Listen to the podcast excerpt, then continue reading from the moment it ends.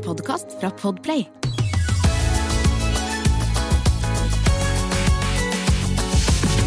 Velkommen, til Neida.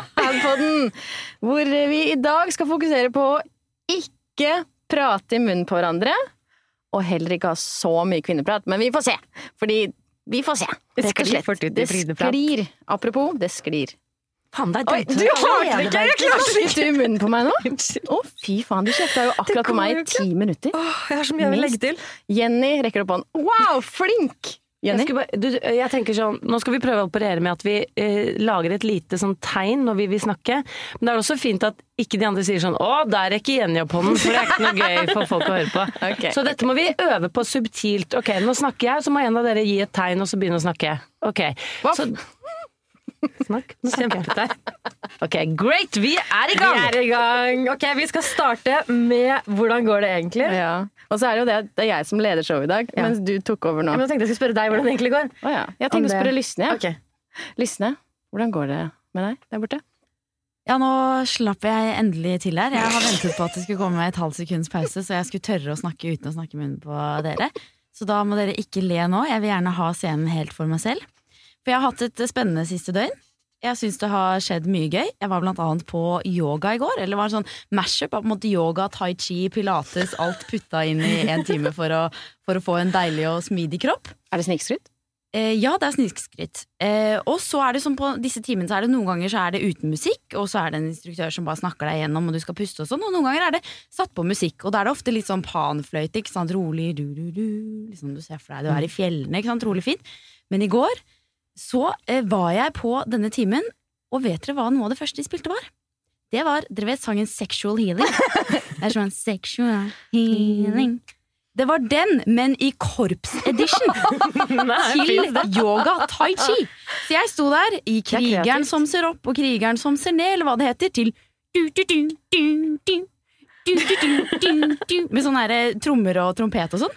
Så det, jeg syns det var helt fantastisk. Jeg tenkte Dette er en opplevelse. Dette er noe jeg aldri har gjort før. Og jeg har liksom hørt at, at du skal gjøre nye ting for å trene hjernen din. og sånn Jeg følte at dette var en ny ting. Og jeg, jeg klarer ikke slutte å tenke på det. Det var en så eh, merkelig opplevelse. Wow. Dette minner meg på verdens beste musikk satt sammen med verdens beste butikk. Fordi før, jeg vet ikke om dere husker da Uff lå på Jernbanetorget, på hjørnet der hvor det nå er Amerikalinjen, Mm. der lå det en Uff. Og så i kjelleren var det liksom eh, I kjelleren var det vel liksom fra 80-tallet og oppover, og oppe så var det liksom 80-tallet og bakover. Så det var liksom tydelig inndelt. Men der hadde de én CD, og den CD-en, det var eh, norske, liksom tradisjonelle, gjerne litt sånn barneviser, fremført på litt sånn spansk vis. Ja, ja, det, det er klassisk. Og det var litt sånn kastanjetter, bare sånn Ja, ja. Jeg vil ha en blå Ballong. Men de er kjempekjente. Å ja, de er det! Ja, ja, ja. Den, den, gikk skal non finne navnet på de, ass. Jeg savner plata. Det høres ut som jeg er gammel eh, narkoman. Det det. Eller jeg savner den CD-en, og så savner jeg Uff på plata. På plata. Så det Takk for meg! Så hvordan går det egentlig, Lysne? Nei, jeg syns det går bra, og jeg har hatt uh, mitt spennende døgn fortsetter. For i forrige podkast, for dere av lytterne som ikke har rukket å høre på den ennå, så snakket vi om, eller det var ikke akkurat veldig planlagt, men vi kom inn på avstanden mellom rumpehull og vagina. Og det ble slengt ut her på bordet at, eh, at noen av dere andre tenkte at det var omtrent syv centimeter, og da ble jeg veldig overrasket, for jeg jeg var temmelig sikker på at det var ikke syv centimeter mellom rumpehullet og vaginaen min, det var minst 20. Nei, det var ikke det. Jeg bare tenkte at det, var, at det var ganske mye mindre. Eh, Så jeg fikk i oppgave eh, sist å måle. Eh, Det kom jeg på i dag tidlig. Det er altså nå tidlig om morgenen når vi spiller inn, så det ble en tidlig morgenaffære hvor jeg da skulle måle. Så det ble Andreas er god på øyemål, han er jo skredder. Så det ble Made to Made to measure. Så det ble Andreas sitt øyemål, men jeg tror nok vi kan stole ganske godt på det, for der er han god, altså. Å gud, jeg er så spent. Er du spent hvor langt det var fra Jeg tror fortsatt det er tre. Du tok tre? Nei, Jeg tror det. Du, at jeg tre trodde centimeter? Jeg trodde tre. Du trodde ikke syv? Ja. Nei, Jenny har syv. Hun er lang i alle rare ja, du- retninger. Nå må vi høre okay. tallet. Det var fire centimeter. Fire. Den, den, den er fin. Den er fin. Yeah. On brand. Jeg syns egentlig at Andreas burde måle deg og Jenny, for jeg stoler ikke på Ja, den. men det gjorde han under symesterskapet. Det har jeg ikke sagt til noen ennå. Ja, nydelig. Bra jobba, Ingrid. Det er, noen ganger glemmer vi å følge opp sånne ting. Det, det gjorde ikke du. Veldig bra. Veldig bra. Men nå skal jeg spørre meg selv, jeg. Ja. Mari, hvordan har du det? Bra. Mari, hvordan har du det egentlig? Jo, jeg har det også bra. Jeg tok meg dagen fri i går. Fordi jeg skulle bli med en venninne og kjøpe brudekjole. Ja, ja. Det er faktisk en jævlig staselig opplevelse. For du må liksom booke time, det koster penger å, å være der og sånn. Er det sant? Ja. Koster det penger å prøve klærne du kanskje skal kjøpe? Ja, ja, for det er sikkert sånn «Hva, Jeg skal leke brud i dag! og så Man får ikke lov til det, da. Nei. Men så vi hadde en veldig god opplevelse. Prøvde masse kjoler, og hun fant en kjole. Nydelig. Moren sto og gråt, og det var helt fantastisk. Eh, Men da vi liksom skulle få kjolen, så begynte da damen i kassen, kassadamen, og for det første så nevnte hun fornavnet til hun jeg var sammen med hele jævla tiden. Og du sånn Du skjønner det. Bla, bla, bla. Du skjønner det, Jenny. At, n- Og så sa hun Altså, hun sa så mye feil. For det første så sa hun sånn Ja, du skjønner det, Jenny. At dette er jo en krepp silkekjole. Og jeg bare Silke? Ekte silke? Nei, det er ikke en silkekjole. Så det sa jeg sånn halv, halvpassivt fra sidelinjen. Dere kjenner meg. Altså, der er du god, Mari. Er halvpassivt. Jeg bare Det er ikke silke, da. Det er jo polyester. Eh, og det ignorerte hun totalt. Så hun fortsatte. Ja, siden dette er kreppsilke, så kan ikke den strykes. What?! Og jeg bare Altså, er det silke, kan det strykes. Men den kan ikke dampes, det var det hun sa. Ja. Da kan ikke det dampes. Jeg bare, kan, silke kan dampes. Eh, så jeg måtte gå liksom for hver kommentar jeg ga, så måtte jeg gå lenger og lenger bort, for jeg klarte ikke å høre på det. Men du skjønner det, Jenny. Den kan jo ikke uh, dampes. Altså, dette her høres ut som lureri. Ja, jeg vet! Fordi nummer én, silke kan dampes. Nummer to, kan, de aller fleste brudekjoler i dag, de er ikke laget av Nei, silke. og så gikk jeg bort i min uh, passiv aggressivitet. Jeg gikk bort og titta på kjolene som var da krepp, og sjekket om det, hva det sto på de.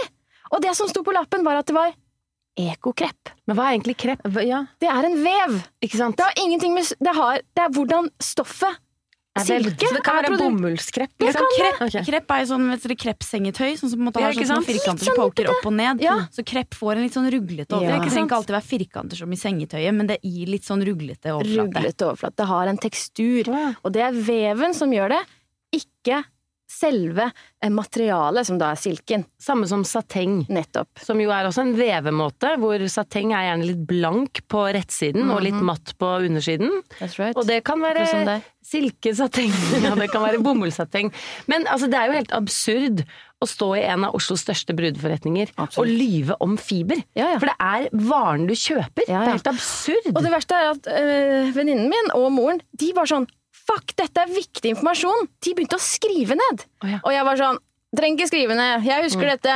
Trenger ikke skrive ned. Liksom dytte på det. Ja. Men ekokrepp, hva er eko? Ekokrepp. Det var eko. Men vet du, jeg er helt sikker på at. Når veldig mange vil gifte seg, så ser man jo Og det ser jo ut som silke, mange av brudestoffene. Det er blanke stoffer, ikke sant, tynne, blanke stoffer. Mhm. Og så tenker man jo når man først skal gifte seg, man vil jo gifte seg Det fins jo ikke lyst til å gifte deg i et oljeprodukt, i plastikk. Eh, men tenk da at du liksom altså, jeg, jeg tipper jo at de aller fleste som går inn i brudebutikker, tenker at det som henger der, er av silke. For det er de nydeligste ting. Det er kjempedyre stoffer, nei, kjempedyre kjoler, ikke sant. Men jeg har også overtatt noen brudekjoler etter noen som har giftet seg og, og, og har gitt brudekjolene til meg. Og det er så syntetisk som det er mulig å få. Jeg er helt sikker på at Skulle du kjøpt en brudekjole i Norge i dag i 100% silke, hvor mye hadde det kosta? 100 200 000 kroner? Ja. 200 000 kroner. Ja, ikke sant? Så det er Nei, i hvert fall 40-50. 40-50. Ja. Hvis Ja, men er, det ikke det en kjole koster hvis den er produsert i utlandet, nei, de koster rundt 20-30. Ja. Okay. Men da, da Det er ikke silke, med mindre det står 100 silke på den. Det Men- står ikke ekokrepp. Nei, men jeg tenker på alle retningslinjer som nå i hvert fall kommer på matprodukter. Hvor Ja. tidligere så kunne man skrive sånn bare litt sånn cirka ingredienser. Nå er det jo liksom, nå må du virkelig informere om alt som fins i den matvaren. Mm. Mens på klær Altså for Det står jo på lappen hva det er laget av, men det er så mye ord som er villedende også.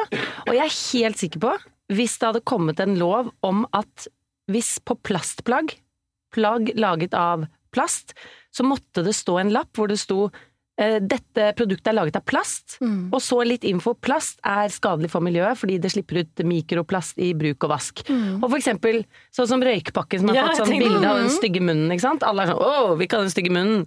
Og så, men at det er et bilde kanskje av en, en hval altså, Men at du er pålagt, på samme måte som røyk og snus, å informere om eh, altså de klimamessige skadene rundt, eh, eh, rundt plastbruk. Men jeg fant frem eh, Fremtiden i våre hender har lagt ut en oversikt over hva, hvilke fibre som faktisk er plast. Og så skal jeg bare lese opp de, sånn at vi skjønner litt sånn Hadde det stått plast istedenfor disse ordene, så er jeg ganske sikker på at flere ikke hadde kjøpt de. Står Ekokrep på den listen? Her? Det står nylon, polyester, akryl, polyamid, polyretan, modakryl, polypropylen, polyetylen, spandex, elastan. Mm. De ordene kan stå inn i plagget ditt, og da er det ikke alle som vet at det er 100% plast. Men hvorfor bare Åh, det hadde vært så rått hvis det bare sto plast, for jeg tror Det merker jeg selv når jeg skal for eksempel kjøpe et plagg på Tice, og så sender jeg melding og sier hva slags stoff er det? Så kan de skrive sånn vanlig stoff. så er det sånn, ja ja, men hva slags stoff er det? Bukse, kjolestoff. Og det er bare sånn Og det, det, jeg, jeg, jeg, liksom, jeg dømmer ingen som ikke vet det. Ja. For hvordan skal man vite det når det faktisk ikke er mulig å skjønne ut fra den lappen, da? Og i tillegg, når du går i forretningen, og de forteller deg Ja. at det er silke, når det Ja, ikke er det. for akkurat det vil jeg tilbake til. For jeg synes dette høres ut som en tvers gjennom gjennomutspekulert løgn. Nettopp. Fordi For det første så sier du at det er silke når det er ikke det. Du blir lurt. Du blir lurt, og for det andre så vet jo alle som holder litt på med stoff, at silke kan dampes. Og har du prøvd å dampe rynkete silke og se hvor rett og pent det blir, da vet du at det kan dampes og at det føles helt fantastisk. Eh, men polyester derimot, jeg har prøvd å dampe noen av de polyesterkjolene jeg har arvet. Det kan ikke dampes, for det er akkurat som om eh, bretten på en måte i stoffet, du får det ikke ut, rynkene går ikke ut. Så det gir jo på en måte helt mening, eh, da på en måte som en del av den løgnen at hun også sier at ikke det går an å dampes. Og da blir jeg i hvert fall sur, for det er på en måte Det er ikke en glipp. Da har Ja. du, da har du tvers igjennom løyet. For det er ikke sexy å si 'dette her er polyesterkrepp'. Ikke sant? Mm. Så jeg, jeg er sur, da. Jeg er bare tvers igjennom sur. Og nå er vi sure også. Ja, nå er dere sure. start. Fy faen. Er jeg den eneste som Hopper over streker på gata. syns det er litt rart med Ikke lunka vann. Litt godt av Noen ganger syns det er gøy å sette pris på en god runde med Ok, jenter, er dere klare for en eh, Er jeg den eneste som? Oui, madame. Eh, jeg har med meg en Er jeg den eneste som som jeg oppdaget eh, egentlig i sommer. Jeg har nok drevet med det i veldig veldig mange år, men jeg har ikke liksom helt sånn klart å sette ord på hva det er jeg egentlig driver med. Skal vi se om jeg klarer å formulere dette på en eh, enkel og smidig måte. Ok, er dere klare? I, nei. Ja. Bra. Er jeg den eneste som lyver hvis folk spør om jeg har sett en film eller serie eller vært et sted jeg kanskje ikke har vært, for å slippe at de skal forklare konseptet med filmen eller serien eller stedet? Iblant. Skjønner du hva jeg mener? Nei, du er ikke den eneste. Er ikke den eneste. Ja, du er den eneste som Jeg lyver aldri om sånt. Nei, jeg alltid, hvis folk sier sånn 'herregud, det minner meg om den scenen', 'har du sett Gudfaren'? Så blir jeg sånn Ja, ja. Ja, ja. For jeg merker sånn, jeg orker ikke si nei, og så skal du si sånn, ok, hør nå. Jeg, jeg, har, å, jeg har ikke lyst til å få presentert handlingen, jeg, til noe jeg ikke har sett. Jo, men hva hvis det, ja, tenker, hva hvis det drar seg liksom videre? At du er sånn Ja, du vet den der, eh, det som skjedde da etter at de gikk ut av den døren, vet du. Den scenen som Og Og bare, bare, men ikke sant, noen ganger så går det jo langt, og så må jeg bare henge på. ja. Henge på, prøve å skifte tema, men de fleste tilfeller så går vi bare Så er det sånn, å ja, ok, du har sett den, videre. Fordi da merker jeg sånn Ah. Men jeg merket det i sommer, fordi når vi var på Øya, så kommer det en Øyafestivalen. Øyafestivalen, hvor vi eh, jobbet. Eh, så kommer det en fyr bort, og så snakker vi sammen. Og så har vi vært sånn i samme land i sommer. Jeg var i Spania i sommer. Litt sånn, Han var i nord, jeg var også i nord. Og så sa han sånn Var du i den byen? Og så har jeg hørt om byen, og så tenkte jeg sånn jeg orker ikke at du nå skal fortelle hvor fantastisk den byen er, for den var sikkert helt lik den jeg var i. Så jeg sa bare sånn Ja! Der var jeg! Ja, tenkte jeg sånn Faen! med han, faen. Å nei. Og så begynte han sånn Ja, for det er den derre naturvinbaren som bare, ligger ja, på det hjørnet. Og så, ganger, og så merket jeg sånn Så merket jeg sånn Her må jeg bare, nå må jeg bare stå i det. Så var jeg sånn Ja! Elsker naturvin. Den, ja! Smaker forskjellen. Så nå øh, Ja, spent om han hører dette her. Men der merket jeg sånn Hva er det du driver med nå, Jenny? Og er du den eneste som roter deg inn i dette her? For målet mitt er jo å hoppe fort videre til noe annet. For jeg er jo ikke interessert i å snakke om en film jeg ikke har sett. Jeg vil være med og snakke om det jeg har vært med på, jeg. Men noen ganger så går det jo i feil retning, og så vil personen da ta meg med videre inn i universet, som jeg må late som jeg er en Men del av. Men dette gir litt mening. Ok, greit, jeg skal stoppe fordi Bergtun rekker opp hånda. Nå rakk jeg opp hånda. Lenge. Ja, ja. Nei, Jo, men jeg gjør det samme, men jeg tror ikke det er av samme grunn. Fordi Jeg tror at jeg gjør det fordi at jeg syns det lager flyt i samtalen. Og så hvis du sier sånn du vet han derre han, der, han Og så sier personen et navn, ikke sant? og så blir jeg sånn Ja, ja, ja. Og så plutselig driter man seg fullstendig ut. Man aner ikke hvem det er snakk om. Alle vil ha liksom et ja-menneske. Men altså, jeg har merket på lystne, for det er gøy. Fordi det er litt inspirasjon for meg egentlig at du aldri gjør det. Nei, jeg gjør det aldri. det, er deilig, fordi jeg gjør det fordi jeg bare sånn Jeg ender jo opp i sånne jævlig kleine situasjoner, ikke sant? Blir du så blank du er sånn. Nei, jeg gjør det ikke.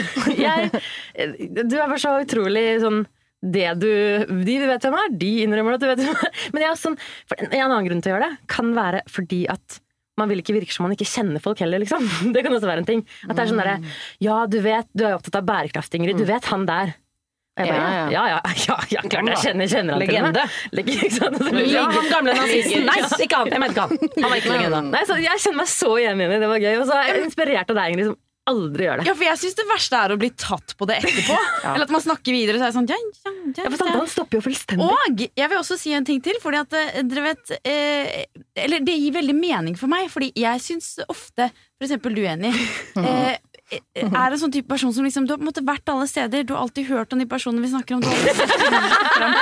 Du har alltid hørt det. albumet, skjønner du? Og så blir jeg sånn wow! Jeg bare skjønner ikke hvordan Jenny liksom bare alltid snakker om ting som bare Jenny har alltid opplevd det. Men nå skjønner jeg det. Ja, og noen ganger da, i møte med deg, og, ja, og det er nok flere som, flere som gjør dette her, så kan man noen ganger føle seg litt sånn Ja, nei, jeg opplever jo tydeligvis ingenting, jeg, da, siden jeg ikke har sett alle disse filmene. Og jeg vet ikke hvem den personen er, jeg har ikke vært i den byen. Men hun Og leser det- bøker, og det irriterer meg. Det er sånn, «Å, har du lest den Er du boka? sikker på at hun leser bøker? ja. jeg, jeg vet ikke. Kanskje hun har lest én artikkel om det én gang, og så bare sånn «Å, Har du lest den boka?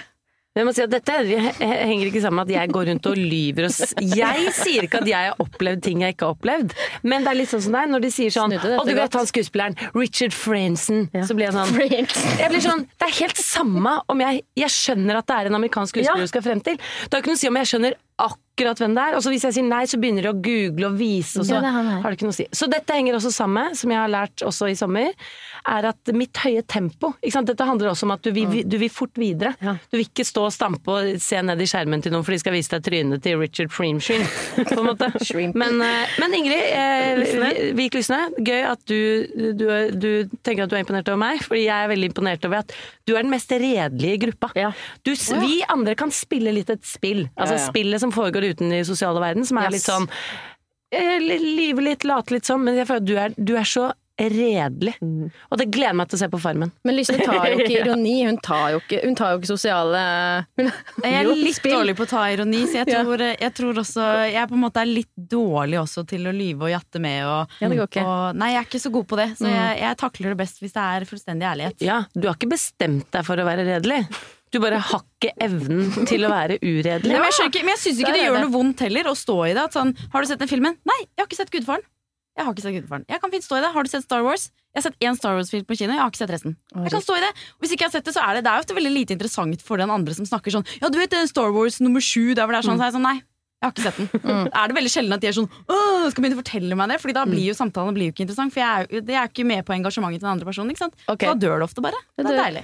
Test til neste gang. Du skal prøve en gang å si lyve. Ok, Og jeg, og jeg skal prøve å være ærlig for en gangs skyld. Og ikke jeg vil også prøve å være ærlig, så teste hvordan det føles. Du da, Mari, du gjør det, eller? Jeg Du kan være jeg. dommer. Jeg jazzer, jeg kan være dommer, ja. Jeg gjør litt av begge. Men jeg har noen fra lytterne. Gøy. Ja, er dere klare? Den her. Er jeg den eneste som, når jeg går tur med hundene eller er er alene hjemme, later som jeg er med i en film? At jeg for eksempel spiller rollen til en som er på flukt. Gøy. Jeg elsker det. Eh, Nei, hun er ikke den eneste som. Ikke sant? Nei, Men- hun er ikke den eneste som Uh -uh. Men hvorfor være på flukt når du går tur med hundene dine? Det, jeg synes på en måte, det Gå tur med hund og være på flukt var det- to forskjellige, veldig forskjellige ting. For jeg, jeg gjør det mer sånn Hvis jeg er på joggetur Nå løper jeg ikke så mye nå lenger, men jeg gjorde det i gamle dager. Hvis jeg løp i regnet da, så var jeg sånn Jeg var så sykt i en film. Mm. Men hva med hvis du er på tur med 100, da, og du Ja. ser en drittbikkje som du har møtt før, som er en drittbikkje, og eieren er så jævlig Da er du på flukt! Da går du i fluktmodus, vel. Da det er det ekte flukt, da later hun ikke som hun er med i en Det er film. sant. Men Bergtun, eh, kan du Er hun den eneste som? Ja, for meg er hun den eneste som gjør det. Jeg tror ikke jeg har latt som jeg har vært i en film. Har du fantasi i det hele tatt? Masse fantasi. Oi, Men ikke sånn, jeg kan dagdrømme og sånn, men ikke sånn derre Å gå i Nå skjer liksom jeg, Nei. Jeg tror ikke Jeg har ikke latt som jeg vært film når jeg er ute og går tur og Mm. Men det var spennende. Jeg har lyst til å gjøre det. Jeg synes det høres gøy ut. Mm. Hva med deg, Mari? Ja, ja, jeg er konstant i en film, jeg. Dette her er en uh, nydelig romcom med dere. Hva betyr romkom? Romantisk komedie. Romkom? Det er morsomt ord. Jeg gjør det Jeg har en sånn liten greie som jeg koser meg skikkelig med. Som er at eh, hvis jeg Det er også som når jeg går, ofte går på gaten, eh, gjerne hvis jeg hører på musikk. Og så hører jeg på liksom lidenskapelige tekster som er liksom 'jeg vil ha deg', eller bare 'du kan stole på meg', og uh, 'ta meg tilbake', og sånne type tekster. Å, lidenskapelige tekster. Du kan stole på meg! Jeg er så full av følelser. Men når det er litt sånn, eh, ja, sånn følsomme tekster som gjerne handler om litt sånn lidenskap og sånn, da kan jeg Stole på meg. på en måte høre det høyt i hodet mitt, og så kan jeg liksom strekke armen ut til den hvis det går en mann foran meg, så kan jeg liksom Ja, det kan jeg. synge det til han. Og være liksom 'stol på meg', sånn, og så snur du, og så later jeg som ingenting. Så jeg kan ha sånn late som at jeg går liksom bak At mannen min har gått fra meg, så går jeg bak han og bare sier sånn Please! Dere er sjuke, men skammelig. Ok, Hvis du blir busta i det, og så snur han seg litt for fort, og så ser, du, ser han deg, skammer du deg da? Eller blir det flaut? Eller går det greit? Nei, blanding koseskam. For dere vet, noen ganger når man tenker har dere opplevd at noen Jeg ganger skal man opplevd å snakke samtidig? Eller at man, at man liksom begynner å Tenke mens man snakker. Nei, at jeg tenker så mye på bussen, for eksempel. Og så kan jeg bare sånn Nei, det må jeg ikke gjøre. Eller det Ja, kommer en sånn ja. liten setning ut. Og jeg da gjør det hele tiden. skammer jeg meg så jævlig etterpå. For jeg blir sånn plutselig bevisst på at jeg er et rom med andre folk. Og så tenkte jeg at det var litt likt situasjonen som Jenny når hun står og synger og trekker hendene sine mot en random fyr hun går bak. Det jeg sier mest når jeg får sånn utbrudd Nå må du ikke begynne å synge under at vi snakker, Marie. Ja, det, det er- er jo en film. avbryte. Vi er jo i en film, og da er det alltid musikk under. Ok. Hvis dere skal si Nå skal alle sette seg inn i det. Man sitter og tenker, eller man går og tenker, og så plutselig sier du noe høyt. Ja. Hvilken, har dere en sånn setning dere tror dere har sagt flest ganger høyt? Ja. Hva da? Har, nei, det er veldig ofte hvis jeg har gjort noe jeg syns er flaut i forkant, at jeg liksom prosesserer noe som var flaut, Ja. så er det på en måte at jeg liksom kan si litt sånn derre Nei da, men det går bra. Ikke sant? Liksom, Ja, sånt noe, liksom, at jeg Konkluderer. Konkluderer, ja. Men samtidig ja, pr ja, konkluderer er kanskje riktig. Jeg sier jeg- nei, Jenny, nei, Jenny, da. Ja. Kan jeg si til meg selv. Ja, jeg Hvis jeg har sånne tanker som er sånn nei, det får du ikke lov til å tenke, eller liksom sitt på bussen, kommer det en altfor heit, altfor ung Eller jeg sånn nei, nei, Jenny. Og da blir det sånn ops, så er det høyt. Nei, altså, jeg, jeg snakker ganske mye til meg selv, egentlig. Men det er mye sånn praktiske ting. Sånn, ja, tar vi den oppi der, og så må vi pakke den, og så må vi huske på det etterpå. Den inni der, hundre. og den inni Ok, den oppi der, og på sånn Mm. oppi der. Ja, så jeg, jeg vet ikke, jeg har ikke noen hemninger med det. Det, det kommer faktisk bare ut. Ja, det er det jeg sier mest, sånn praktiske sånn, du skal oppi der. Jeg er helt enig, du skal oppi der. Og jeg er også sånn som kan, eh, litt som en hund, riste av meg ting. Altså sånn, fy, altså sånn fysisk. Sånn, Vekk. ah, ja, ja. Ah, nei, det trenger jeg ikke tenke på nå.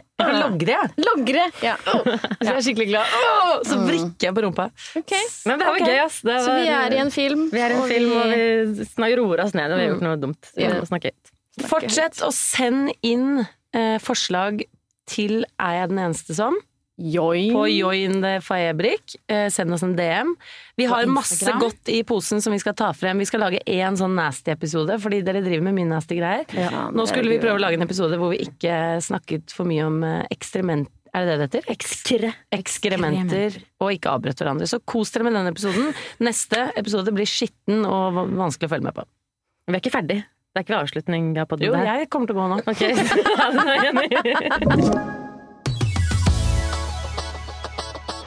Ok, Jenny, du har jo ikke fortalt eh, historien din om hva du gjorde før Fabrik, hvis det noen ganger var noe som skjedde før Fabrik. eh, og som jeg liker å si, Jenny Skravlan. Du er jo glad i å bruke den derre truten din. Ja. Så nå skal du Bruke kukksugeren din. Yes, det var akkurat det jeg skulle si. Um, men Jeg nå skal, nå skal du få tre minutter, intet mer, intet mindre, på å fortelle hva du gjorde før Fabrik. Men ikke fra jeg ble født. Nei, du velger, da. Når begynte dere? Fordi, for, Nei, nei, for nei. de som, Du ja, men, setter skal jeg standarden her. Si til lytterne. Mm. Eh, for dere som er interessert i å høre hvordan eh, Mari, Ingrid B og Ingrid Wehl kom seg til Fabrik og endte med å starte det, så kan du høre om det i de forrige episodene. Så forteller de sin historie om hvordan de havnet I sesong én. Og vi fikk jo litt mer enn tre minutter. Men jeg er tidtaker eh, nå, og jeg gleder meg skikkelig til å høre din historie. Men når begynte dere? Vi startet med egentlig sånn litt sånn Etter videregående, ja, okay. Profesjonelt. videregående ish. Profesjonelt. Du kan starte med karriere. Ok. Tre minutter. Klar, ferdig, Da jeg var åtte år. Nei, dette er litt relevant. Ja. Eh, Jeg har jo gjennom hele livet både drevet med liksom, teater og sånne ting, pluss at jeg har sydd mine egne klær. Så da jeg var åtte år, så spilte jeg jo i Jakten på nyresteinen. Så jeg liksom begynte der, så tenkte man sånn Jenny skal bli skuespiller, og eh, så en liten, liten tass der som styrer med det. Men eh, parallelt med at jeg var skuespiller, så satt jeg jo hjemme og sydde klær, ikke sant. For jeg har en mor som er utdannet kostymedesigner og hadde syverksted i barndomshjemmet mitt, så dette var jo veldig tilgjengelig for meg. Og jeg er jo så da genetisk tungt belastet med denne interessen for klær. Så parallelt, gjennom hele barndommen, ungdomsskolen, videregående, syr og spiller i revy. Syr, eh, er med i film, ikke sant. De to tingene, bip, bip, bip, oppover. Og så blir jeg ferdig med videregående, og så tenker jeg, hvilke av disse to tingene skal jeg gjøre? Å, herregud! Tiden Nei, jeg kommer aldri til å klare på tre minutter. Eh, ok, så jeg gikk på på audition for å komme inn på Teaterhøgskolen. Eh, kom videre der, og så dro jeg til København og begynte på motedesign der. Parallelt, disse to tingene. Endte opp med å ikke komme inn på Teaterhøgskolen. Eh, egentlig veldig glad for det, for jeg merker at det er ikke det jeg skal drive med. Eh, men fikk da rolle i både Fatso og Død snø. To norske spillefilmer samtidig, etter at jeg hadde spilt i den Grandiosa-reklamen. Ja, Ja. Men eh, da jeg på en måte da breaket gjennom denne eh, frossenpizzaen, så satt jeg i København og studerte mote. Og så dro jeg og besøkte universiteter rundt omkring i England og sånn for å se hvilken moteskole jeg ville gå på etter disse litt mer sånn forberedende årene jeg hadde i København. Eh, For jeg gikk på liksom ulike høyskoler og studerte da moteillustrasjon og konstruksjon og det å sy og sånne ting. Og så tok liksom så, så ble det ikke til at jeg søkte på designskoler. Jeg bare full, surra meg inn i liksom NRK, begynte å lede Grand Prix, og så ble det mer et sånt klassisk programlederløp. Hvor jeg da samtidig skulle sy mine egne klær. ikke sant? Skal være med på Grand Prix, vi skal sy klærne. Eh, skal være med å designe. Mari var med og lagde kjolen min til Spellemann. Så jeg har jo liksom vært kanskje enda mer interessert i det jeg skulle ha på meg, eh, enn en selve jobben. For jeg syns de prosessene bak var så gøy, da. Og så ble jeg også hanket inn av Bik Bok for liksom 15 år siden. Lagde en eh, fast fashion-kolleksjon for de. Begynte, det var før vi begynte å snakke om klær og miljø, og da var det mer sånn Så kult at du lager noe som er tilgjengelig og billig. Ja. Folk var sånn Så fett! Endelig kan jenter som ikke har masse penger, ikke sant. Så det er også absurd å tenke på. Um, men så, klar, så begynte jeg da å lage liksom Nå 30. husker jeg ikke hva jeg gjorde. 30 sekunder. Nei, kan jeg si gradvis så har jo da det blitt mindre og mindre av hvert fall skuespillerting. For jeg merker at jeg er best når jeg er meg. eh, Bedre enn når jeg spiller en rolle. Så har det blitt da at jeg gjør mer og mer liksom programlederting. Og så klarer jeg å bake inn klesbiten. Lage avkledd, være med på Symesterskapet. Dette er jo en liten thriller, og så, og så, og så nærmer vi oss, og så boom! Møter jeg dere, så kjenner jeg sånn Her var jobben min! Jeg er ferdig. Ja. Og så startet jeg Tice for det, da. Også, Var med, å, var med å, starte Tice, lansere det. Jobbet med det i to år, og så har jeg liksom eh, jobbet litt mindre med det, og mer med Fabrik. Um, ja, var det bare forvirrende at vi gjorde det på så kort tid? Nei, det var kjempe... Og jeg har veldig veldig mange, mange oppfølgingsspørsmål. Men ehm, fordi Åh, nei. Jeg bare syns det var spennende det valget ditt. Og så kan vi ikke fordype Har dere også spørsmål til Ja. hennes eh, karriere? Også bare, egentlig bare Ja. en kommentar. Bare det at jeg syns det er utrolig flott og spennende at du ikke trenger å velge, egentlig. Ikke sant? Mm. For det er det mange som spør meg om òg, siden jeg driver med både musikk og med klær. Mm. Man trenger ikke velge. Du kan gjøre begge. Mm. Det er ikke noe, eller det er, det er stress, men det er en sånn derre eh, I samfunnet så er det sånn ah, du må velge én ting og bli veldig god på det. Men du må jo ærlig talt det, da. Jeg skulle egentlig bli jurist. Jeg kunne ikke jobbet 100 som jurist og drevet fabrikk. Det er ikke sånn at jeg kunne hatt en 30% stilling som jurist et sted. Nei, det er sant. Jeg måtte Jeg kan ikke være lærer faktisk Du må velge. de to riktige yrkene. Du må velge to yrker som Du kan, du kan ha ett seriøst yrke eller to tulleyrker. Ja, nettopp. Jeg valgte to Tulleyrkene kan du sette sammen. Yes. Programleder og syr kan du sette sammen. Jurist og syr kan du ikke sette Ikke, sammen. nei. Bortsett fra at du kan ha verdens beste hobby ved siden av å være jurist. da. Nettopp. Men det blir ikke det, jobben din. det var det alle de fornuftige sa da jeg skulle slutte på jussen. Men det dreit jeg i. Fuck dem. Ja. Fuck det. Men skikkelig spennende, Jenny. Hva øh, Fordi når du Jeg vet ikke, det er et veldig rart spørsmål. Men når du satt der og hadde gjort den Grandiosa-reklamen, og så var du student, fikk danskene med seg uh, hvor mye du breaka i Norge? Ja, ja. De De Hvordan, hvordan var det? Er det rundt- Nei da, ingen fikk med seg det. Ingen Ingen fikk med seg det. Nei, på ingen måte. Men det ble jo litt sånn Dette var jo før sosiale medier. Å Ja. herregud, jeg høres ut som jeg er født i steinalderen. Men dette var før sosiale medier. Eh, og det var før blogger, det var før liksom den type reality som nå er, grobunn for veldig mye unge kjendiser. Ja. Så det var ingen kjente jenter i tidlig 20-årene. For de som var kjente i offentligheten, de hadde gått på teaterhøgskolen, de hadde spilt i filmer, de hadde brukt mange år på å komme dit at de ble kjent. Så kjente folk var liksom 30 pluss. Um, og så kunne man se opp til kanskje liksom artister i utlandet sånn, men det derre det, lå- det var liksom et behov der for eh, yngre mennesker, for folk å se litt sånn opp til.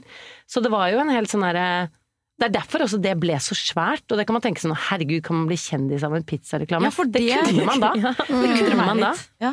For da var det helt sånn å herregud, et ungt menneske som ser ut som venninnene mine. Altså, sant? Hvor gammel var jeg da? Ikke sant? 19-20 år gammel, liksom. Så da ble det litt sånn oh, et, et fjes som er kjempeungt som eh, Så ble jo liksom Stabburet ble ringt ned, altså resepsjonen på Stabburet. For de kunne jo ikke gå inn og finne meg på Instagram. Det var bare sånn «Eh, Vi lurer på hvem er hun der eh, i reklamen, ikke sant? Så det ble jo helt sånn og jeg satt borte i København, kjente jo ikke på dette her, så ringte det mye fra sånn Dagblad Fredag, som var sånn litt sånn ung Dagblad, ikke sant. For da måtte man fortsatt lese papiravis eller blad for å lese om kjente folk, da. Og de var sånn Nå er det jo mye styr rundt denne reklamen, og jeg var sånn Hæ? Jeg tenkte jo som dere, bare sånn Pizzareklame? Nei, jeg kom jo ikke til Oslo for å gjøre intervju på grunn av jeg har vært med i en reklame. Jeg bare Skjerp dere, liksom. Eh, Så klarte de å overtale meg til slutt, da. Og så, ja. Det er en fantastisk start på kickstart på en karriere. Det er veldig gøy å høre historien din, Jenny. Takk. Send meg spørsmål på joinde Freirik! Ukens klimaks! Og antiklimaks! Vi har spurt dere på Instagram hva dere vil at vi skal snakke om i posten, og i går så kunne Jenny utbryte til oss alle at vi hadde fått inn fire svar på et par minutter, og alle de fire svarene var fast fashion. Så vi er nødt til her i Klimaks og Antiklimaks å snakke litt om fast fashion. Og for dere lyttere der ute som ikke har hørt om det begrepet før, så er det betyr altså rask mote på norsk. Eh, og det er et begrep som eh, omfatter alle de klærne som produseres eh, veldig raskt og ofte selges veldig billig, eh, som vi kjøper på butikker som Hennes og Maurits og Sara og disse billigkjedene, og som har blitt et enormt miljøproblem fordi vi bruker og kaster dem i en rekordfart. Det er fast inn, og det er fast ut. Det er akkurat det det er. Og dagens antiklimaks det eh, handler om ikke bare fast fashion, men det har kommet et begrep som heter ultra fast fashion. Som betyr da at man produserer klær i enda raskere tempo, i enda dårligere kvalitet, og selger det i enda større mengder. At det går an. At det går an. Og det er altså et kinesisk selskap som har helt sånn tatt over verden i ultra fast fashion. Vi har kalt det Shine, men det heter egentlig uten norsk diftong Shein. Shein. Ah. Som er et eh, selskap som vokser eh, helt i rekordfart. Det er nå verdt eh, fire ganger mer enn Hennes og Maurits. Eh, og i 2021 så solgte de klær for 150 milliarder kroner. Og det som er så sjukt, man kan kanskje tenke at liksom, altså Før så kom det klær i ulike sesonger. Man hadde vår og høst, og så kanskje hadde man sommer og vinter. Og sånn Og så har man fått noen av billigkjedene som kommer med nye kolleksjoner typ annenhver uke. Men her snakker vi om en kjede som slipper altså Det varierer litt i tallene jeg har funnet i researchen her, men opptil 6000 nye klesplagg hver eneste dag. Og da må folk huske at dette er styles. Det er ikke 6000 enkelte plagg. Dette er 6000 ulike design. Og det som er Hver så- dag! Og det som er så fascinerende med det, som jeg tenker er noe man på en måte kan ta med seg inn i fremtiden, da, er at de bruker eh, algoritmer og kunstig intelligens eh, inn i designprosessene. Sånn at de klarer på en måte forecaste hva det er vi kommer til å like. Eh, og de har altså et produksjonstempo som går så raskt at de kan liksom ha sett noe på en kjendis en dag, og bare noen dager senere så har de det i butikk hos seg. Og de stjeler designs også, gjør de ikke det? Er det litt sånn algoritmemessig? Altså Dette her er en skikkelig råtten potet i sekken. Shein de er kjent for å stjele designene, altså lage tro kopier, eh, bare i veldig mye dårligere kvalitet, av designene til eh, små designere. Eh, ja, de stjeler helt sånn uhemmet. Eh, og de er også kjent for å klare å ha vokst så stort ved å bruke eh, algoritmer, eh, særlig da TikTok. eh, til å bli spredt. Så de har em, altså Shine, hashtaggen Shine på TikTok har 25 milliarder visninger. Eh, og nå viser det seg altså at 400 000 norske barn eh, får opp reklamer for Shein. Barn! Det er jo ikke lov. Eh, jeg har faktisk undersøkt det litt. Det er mange som tror at markedsføring mot barn er ulovlig. Det er ikke ulovlig, men det er mye strengere regler for det. Og det man eh, blant annet ikke har lov til å drive med, er eh, sånn direkte kjøpsoppfordring. Så det å si sånn her er det salg, løp og kjøp og sånn, som jo Skien gjør, det er ikke lov overfor, eh, overfor barn. Og det helt grusomme med det her er jo at, um, at sant, denne markedsføringen når jo ut til særlig eh, eh, veldig unge, påvirkelige folk eh, som sant, er i en alder der det å passe inn sammen med andre er liksom noe av det viktigste som, eh, som går an. og hvor det da blir veldig lett for dem å bare kjøpe og bestille klær hjem. Og dette er Altså, Man snakker om at man kan få en billig T-skjorte på Hennes og Maurits, det kan man, men dette er billig. Altså Her er det snakk om T-skjorter til 19 kroner. Du kan kjøpe kjoler til 49 kroner. Altså Det er helt sånn, det er så skammelig billig, og også er det jo avdekket helt forferdelige arbeidsforhold bak Skien, med arbeidere som jobber tre skift om dagen i strekk, har fri en eh, dag i måneden, eh, og det har også blitt lagt ut masse, masse sånne eksempler på dette vet man jo ikke, for man har ikke kunnet undersøke det ordentlig, men at det står på lappene deres sånn 'I need help' og sånn. Å, Eh, som man tror kommer fra Ikke sant? Men det, ja. Det er jo en skrekkhistorie. Altså, Apropos film. Tvers igjennom en skrekkhistorie. Ja. Skikkelig antiklimaks. Og vi som er jo litt eh, Og vi er nesten litt glad i å sy òg, vi vet jo hvor lang tid det tar å lage et plagg. Mm. Det er jo helt vilt. Vi klarer jo ikke å lage noe til 49 kroner. Hvis vi skal lage ting til kunder. Vi klarer jo ikke, vi klarer jo ikke å slå den prisen. Det ødelegger jo bransjen. Det gjør jo fast fashion sånn generelt. Men det jeg ikke klarer å forstå, er hvis la oss si at du har en T-skjorte som koster 29 kroner. Da. Mm. Eh, for det første så må jo La oss si at den er altså, Nå er jo veldig mye av dette er laget av polyester, fordi det er et såpass billig materiale. Men polyester også, det starter jo med at du tar olje opp fra bakken. på en måte Så Allerede der skal jo noen begynne å, å ha penger for det. Ja, ja. Eh, og så skal dette tas opp, og så skal det jo sikkert raffineres, og det skal gjøres om til polyester. Og det skal spinnes tråder av det, så skal det veves, og så skal det bli stoff som blir fraktet til noen som syr. Og det er jo først der ofte historien begynner om de forferdelige arbeidsvilkårene. Men da har jo allerede på en måte, dette materialet hatt en lang reise allerede. Eh, og så blir plagget sydd ferdig, og det skal pakkes, og det skal shippes til Norge. Og hvordan det da kan koste 29 kroner, jeg fatter det ikke. Jeg kan ikke fatte og begripe det. Og det er, altså, for det første er det helt umulig uten at folk skal ha helt forferdelige arbeidsvilkår. Men for det andre så skjønner jeg heller ikke hvordan det er fysisk mulig at det koster så lite. Jeg syns også det er interessant hva dette sier om kreftene i mennesket rundt det å passe inn. For denne informasjonen er liksom, den er ganske sånn Jeg tror de fleste vet at Shine er noe dritt. Ikke sant? Og de fleste har lyst til å ta gode valg, kanskje spesielt unge mennesker Voksne som mennesker, da. Det må jo bli være voksne mennesker som har tenkt litt før. Ja, ja. ungdommer har Men- liksom ikke den type Nei, men veldig mange unge mennesker vet at uh, ultrafast fashion ikke er bra for miljøet. Mm. Men uh, så er det noe med det at eh, disse reklamene, eller den, eh, det som gjør at du har lyst til å gå inn på Shein og shoppe, det skjer når du sitter hjemme på jenterommet ditt, eller gutterommet ditt. Du er litt sånn nervøs for kanskje neste skoledag, kanskje helgen, du vil Du ser en annen jente som du ser opp til på Instagram, og så kommer den reklamen mens du er på ditt mest sårbare, du sitter inne på rommet ditt, det er ingen som ser hva du driver med, ingen som ser om du handler noe dritt der, men du føler at den toppen gjør at ditt liv kommer til å bli litt bedre. Og den følelsen har jeg kjent selv. Jeg kan, man kan jo tro at man shopper seg til lykke, som er, et, som er umulig, men der og da, ikke sant, og så er jo mote også kanskje den bransjen som er pakket inn penest, ikke sant? Man pakker jo ikke inn oljeindustrien på en sånn rosa, glossy, søt måte med dritfine folk som hopper i en seng, liksom. Det er helt sånn Det fremlegges på en utrolig tiltalende måte. Og det med skien så også, sitter- hvis ja. du går inn på nettsiden deres og ser, så syns jeg eh, Og det syns jeg på en måte faktisk er noe kult eh, de har gjort. Da. Altså, det ser ut som en Instagram-feed. Ja, Det er ikke de der vanlige produktbildene på hvit bakgrunn. Liksom. Du har det der jenter som hopper i en seng, Ja, ja. jenter på kafé. Eh, du har noen bilder. Det er liksom tatt bare av plaggene liggende på bakken liksom, med blomster og sånn. Det Mm. Men ser så helt kynisk det er. Superkynisk! Fordi de skal ha deg som sitter der sårbar på rommet ditt til å tro at hvis jeg kjøper dette Som du ser jo bare det glansbildet, du ser bare det ytterste bildet av de jentene på den søte pikniken. Du ser ingenting av det bak, og så tenker du at dette er løsningen. Og da, akkurat når du sitter der, så er det å passe inn viktigere enn å bry seg om miljøet. Og det er helt sånn grunnleggende, liksom. Men eh, ok, så Åh, det er jeg helt enig med dere. Det har vært helt sånn stille og bare tenkt, for det er jeg så enig med dere sier. Men hva skal man gjøre? Hva skal, vi, hva skal lytterne våre når de blir provosert av dette, de også? Hva Har vi noe råd? Altså jeg tenker Spre Man må bare kunnskap. spre kunnskap ja, om uh, hvor miljøskadelig det er. Og så tenker jeg det, du, Man blir jo lurt, ikke sant? Man blir jo lurt fordi de sier sånn Se på dette nydelige produktet som kommer til å gi deg et nydelig liv. Det er feil, for det er ikke et nydelig, nydelig produkt, og du får ikke et nydelig liv av å kjøpe det produktet. Du blir lurt. Men det å være bevisst på at man blir lurt, syns jeg er en eh, fordel. For noen ganger kan man si 'lur meg', jeg vil bli lurt, men så lenge du er bevisst Det er litt sånn som vi snakket om Første i forrige pod også, er jo dette med at man påvirkes til å skulle fikse på ansiktet sitt og sprøyte inn ting.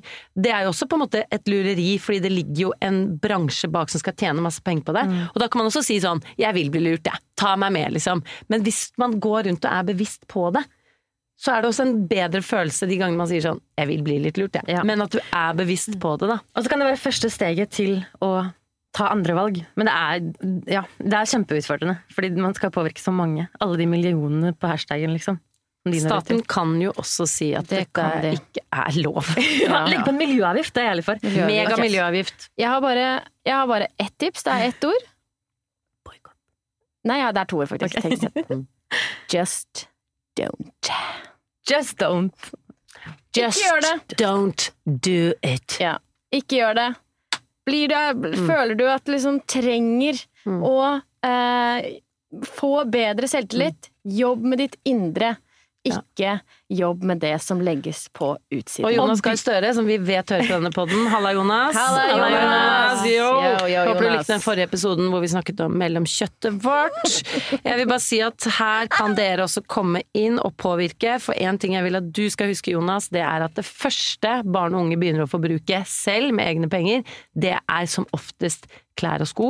Og hvis vi legger eh, grunnlaget, og vi legger opp til at de kan få et, en sunn start som forbrukere, og f- kjenne en mestring rundt å være en sunn forbruker, så tror jeg vi skaper gode forbrukere som også skal ut der og handle helt andre typer ting. Ok, Jonas, vi ses på fredag. Gleder meg til å drikke øl med deg. Kogid. Ok, fra en, eh, fra en politiker til en annen politiker. Er dere klare for uh, klimaks? Ja! Positiv miljønyhet. Hot, det er sexy. Fordi Å, jeg jeg og Jenny, vi var på eh, et møte mellom miljøministeren og eh, klesindustrien. var på Miljø- og klimadepartementet. Var det ikke det det? Jo! og vi kom inn der, satt oss i salen, og det var utrolig spennende. Og der, det er en stund siden nå, men der var det to eh, gutter, menn, som gjorde inntrykk på oss. Karer, sier jeg. To karer. To Nydelige karer. To guttunger. To små To karer. karer som gjorde skikkelig inntrykk på oss.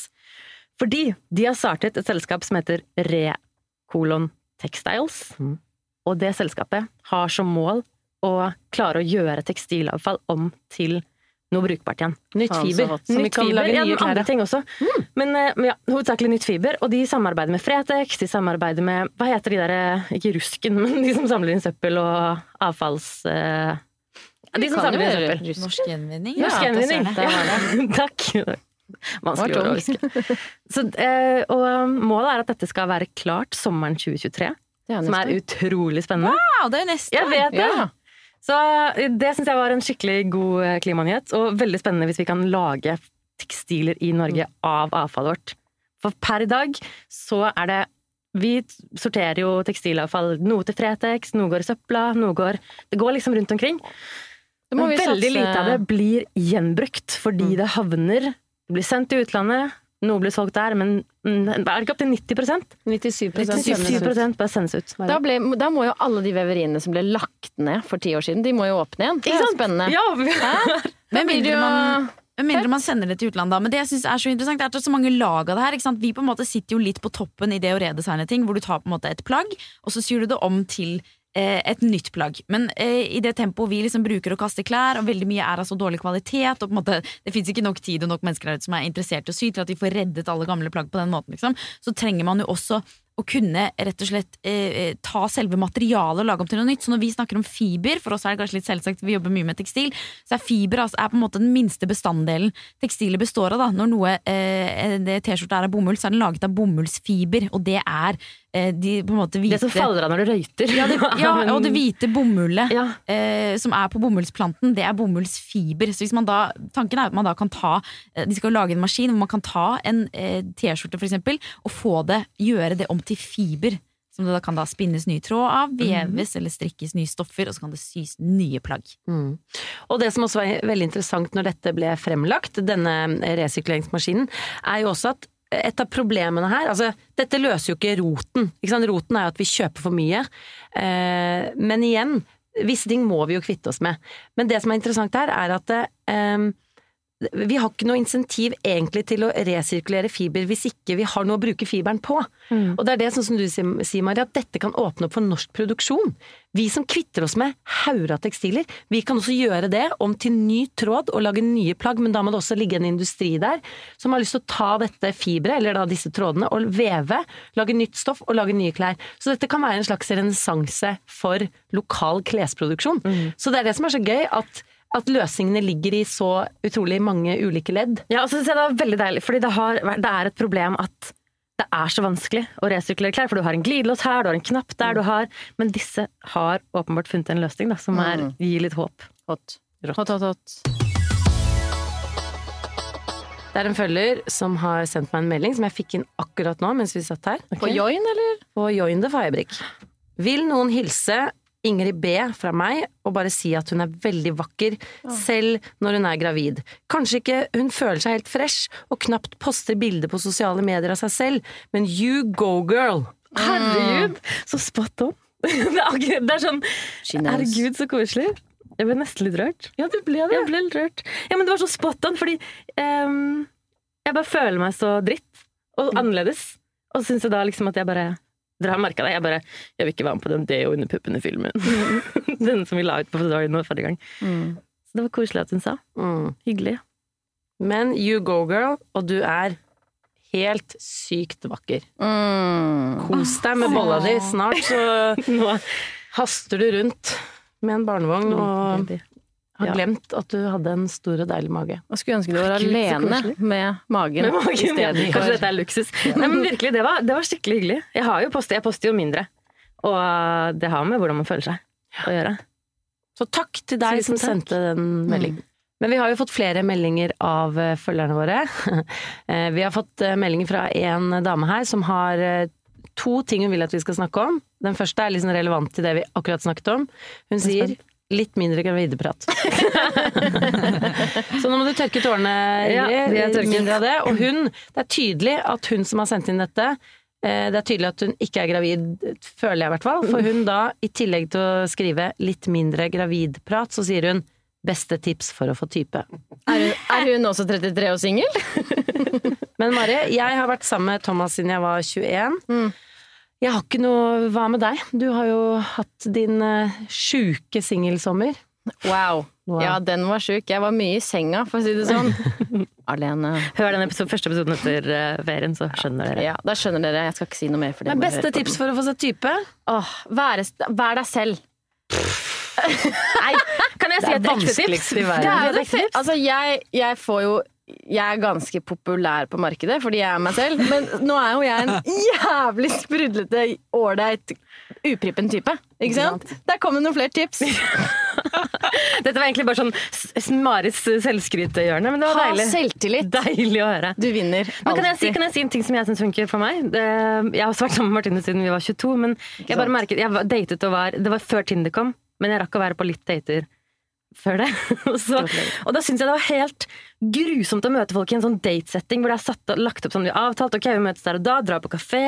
Sitter der. Jeg klarte ikke å interessere meg, dedikere meg til den personen sitt liv, så det ble sånn derre planlagte spørsmål som bare gikk skikkelig dårlig. Men jeg tror at å møte noen i en mer sånn jobbsammenheng, på kurs, eller en setting hvor du kan liksom være deg selv og du blir kjent med den personen uten at man prøver å liksom legge opp til en sånn der intervjurunde. Så ditt tipp, dra er på tips. kurs. Nei, men vær, vær, Oppsøk litt nye situasjoner, sånn som yogatimen din, Lysne. Der kunne man møtt en person. Gjør ting. Okay. Ja. Men her må jeg faktisk rekke opp hånda. Jeg tror, eh, kanskje jeg er den som har vært mest singel eh, av oss alle her Ja. opp gjennom 20-årene. Jeg jeg møtte Andreas som jeg er sammen med nå da jeg var 29.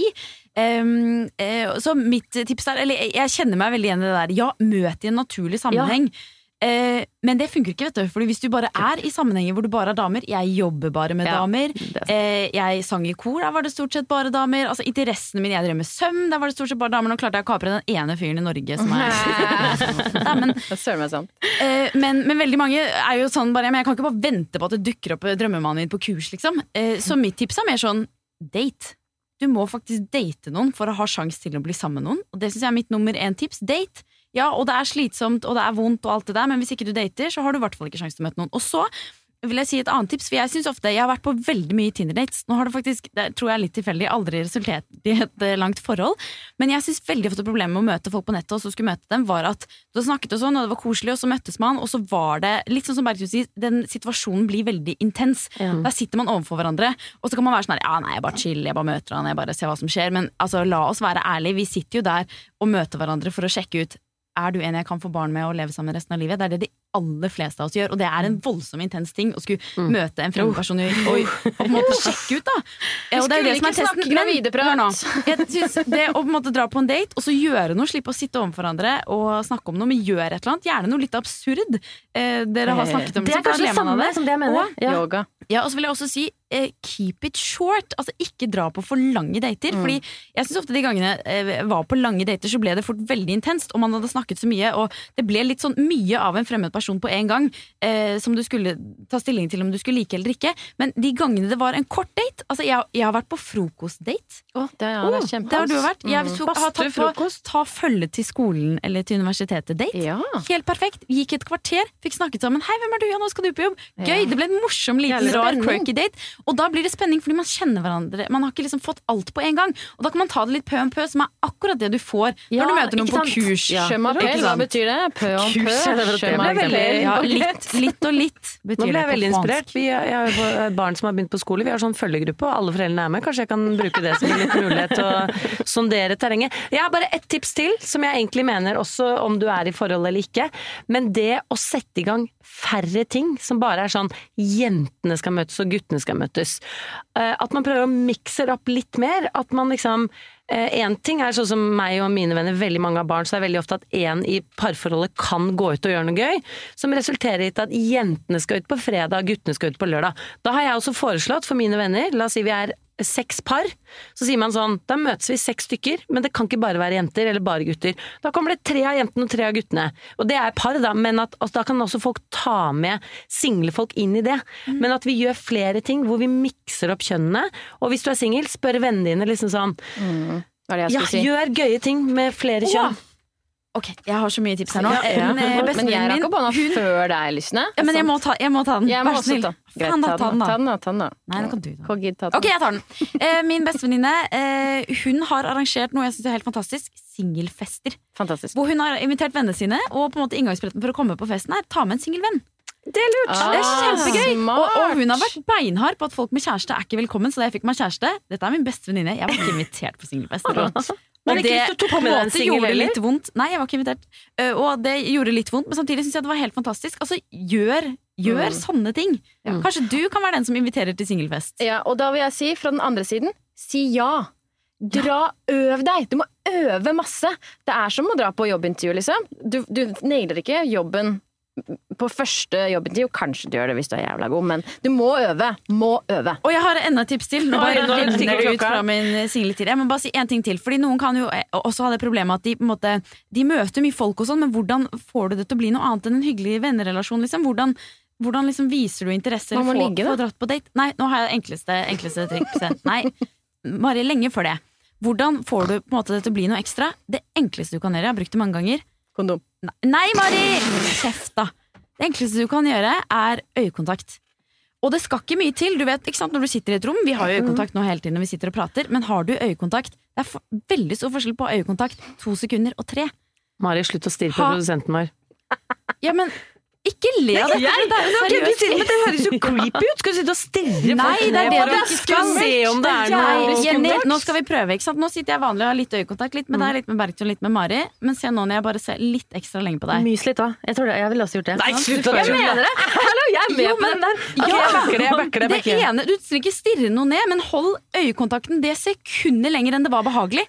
For da har du folk okay. på kroken. Da bare skjønner den andre at det, det, og, og, dette, og dette var litt ekstra hyggelig. Ja. Dette var noe mer. Det, gjør, stå i det og gjør det. Vet du hva? Ja, men jeg har fått, Mari, jeg har fått så mange på kroken ved å gjøre det. Hold øyekontakten det ene sekundet lenger hvor det begynte å bli bli vi går på do. Jeg ble så Kom igjen. Jeg vil ha sexual healing med, på trompet. Ok, folkens, tusen takk for denne runden med, med Podolini. Vi gleder oss skikkelig Spør til neste uke. singelråd. Dette var jeg jeg merker jeg har mer på lager. Jeg Send meg gjerne en DM hvis du vil Ja. ha resten av tipsene mine. Mm. Og så husk at det var jeg som skaffet deg den kjæresten du har nå. Det stemmer.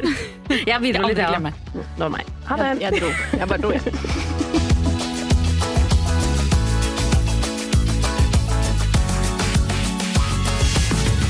Du har hørt en podkast fra Podplay. En enklere måte å høre podkast på. Last ned appen Podplay, eller se podplay.no.